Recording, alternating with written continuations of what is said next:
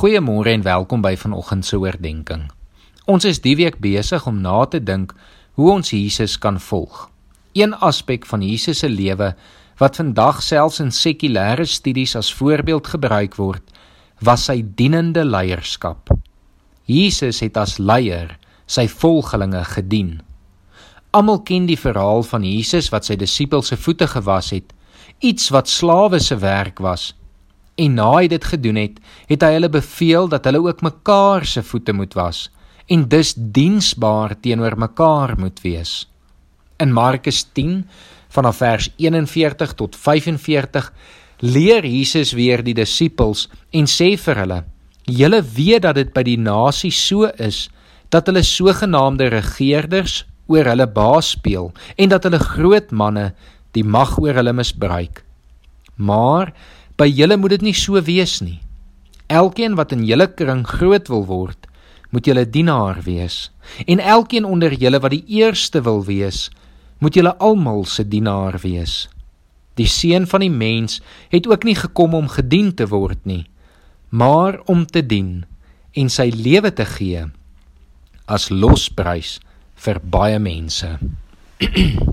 as ons Jesus se voorbeeld wil volg, beteken dit ons moet dien. Ons moet diensknegte wees. Ons moet diensbaar wees.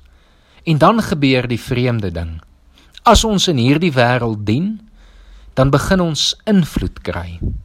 Die Amerikaanse sosioloog Tony Campolo vertel die verhaal van 'n stad in Amerika waar daar 'n inrigting vir geestelike gestremdes was. 'n Groepie mense het die visie gehad om van die pasiënte met 'n goeie prognose in die gemeenskap te herintegreer deur 'n paar huise in in die woonbuurt te ontwikkel. Die inwoners van die stad was woedend en reël 'n vergadering in die stadsaal om oor die staak, saak te stem. Die plek was stampvol. 'n Verteenwoordigende raad het voor op die verhoog gesit. Nadat die voorsitter 'n klomp besware aangehoor het, het hy voorgestel dat hulle tot stemming oorgaan.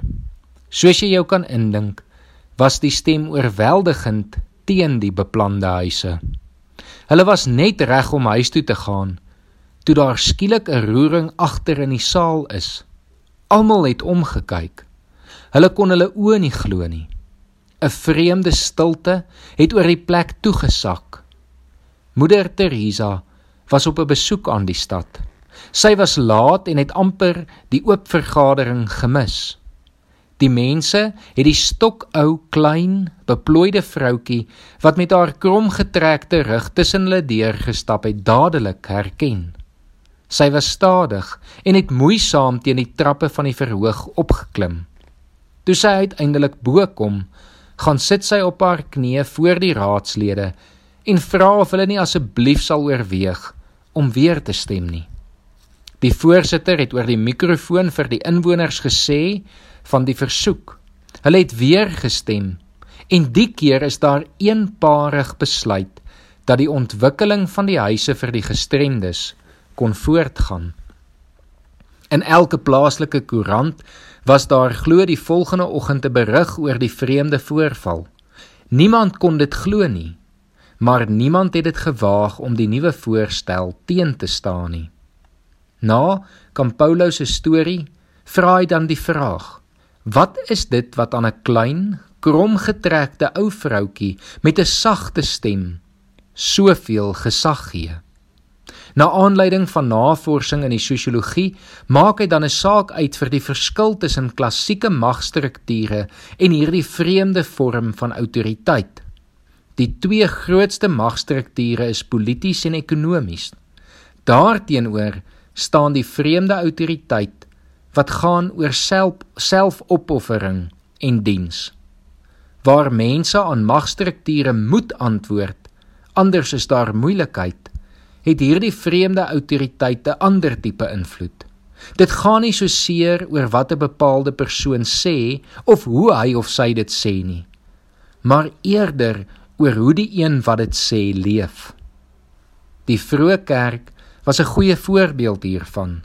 Die historiese sosioloog Rodney Stark wys in sy boek The Triumph of Christianity hoe die vroeë kerk haar dikwels in tye van totale magteloosheid bevind het, maar ook dat dit juis vanuit hierdie posisie van solidariteit met die weerloses was dat sy met ongekende spoed gegroei het van 'n paar duisend tot 20 miljoen in die eerste 3 eeue en dit sonder enige politieke of ekonomiese mag of status. Die kerk was selde in die verlede goed met mag. Sy is haar beste as 'n bediende. As ons deel is van die kerk en as ons ernstig is om Jesus se voorbeeld te volg, dan moet ons dien. Kom ons bid saam. Here, dankie dat U ons geroep het om te dien om diensbaar te wees teenoor U, teenoor ons medegelowiges en ook hierdie wêreld. Here, ek kom vra dat U vandag by elkeen van ons sal wees, dat U ons deur U Gees sal lei, dat U ons sal stuur na 'n plek of na iemand toe teenoor wie ons vandag diensbaar kan staan. Amen.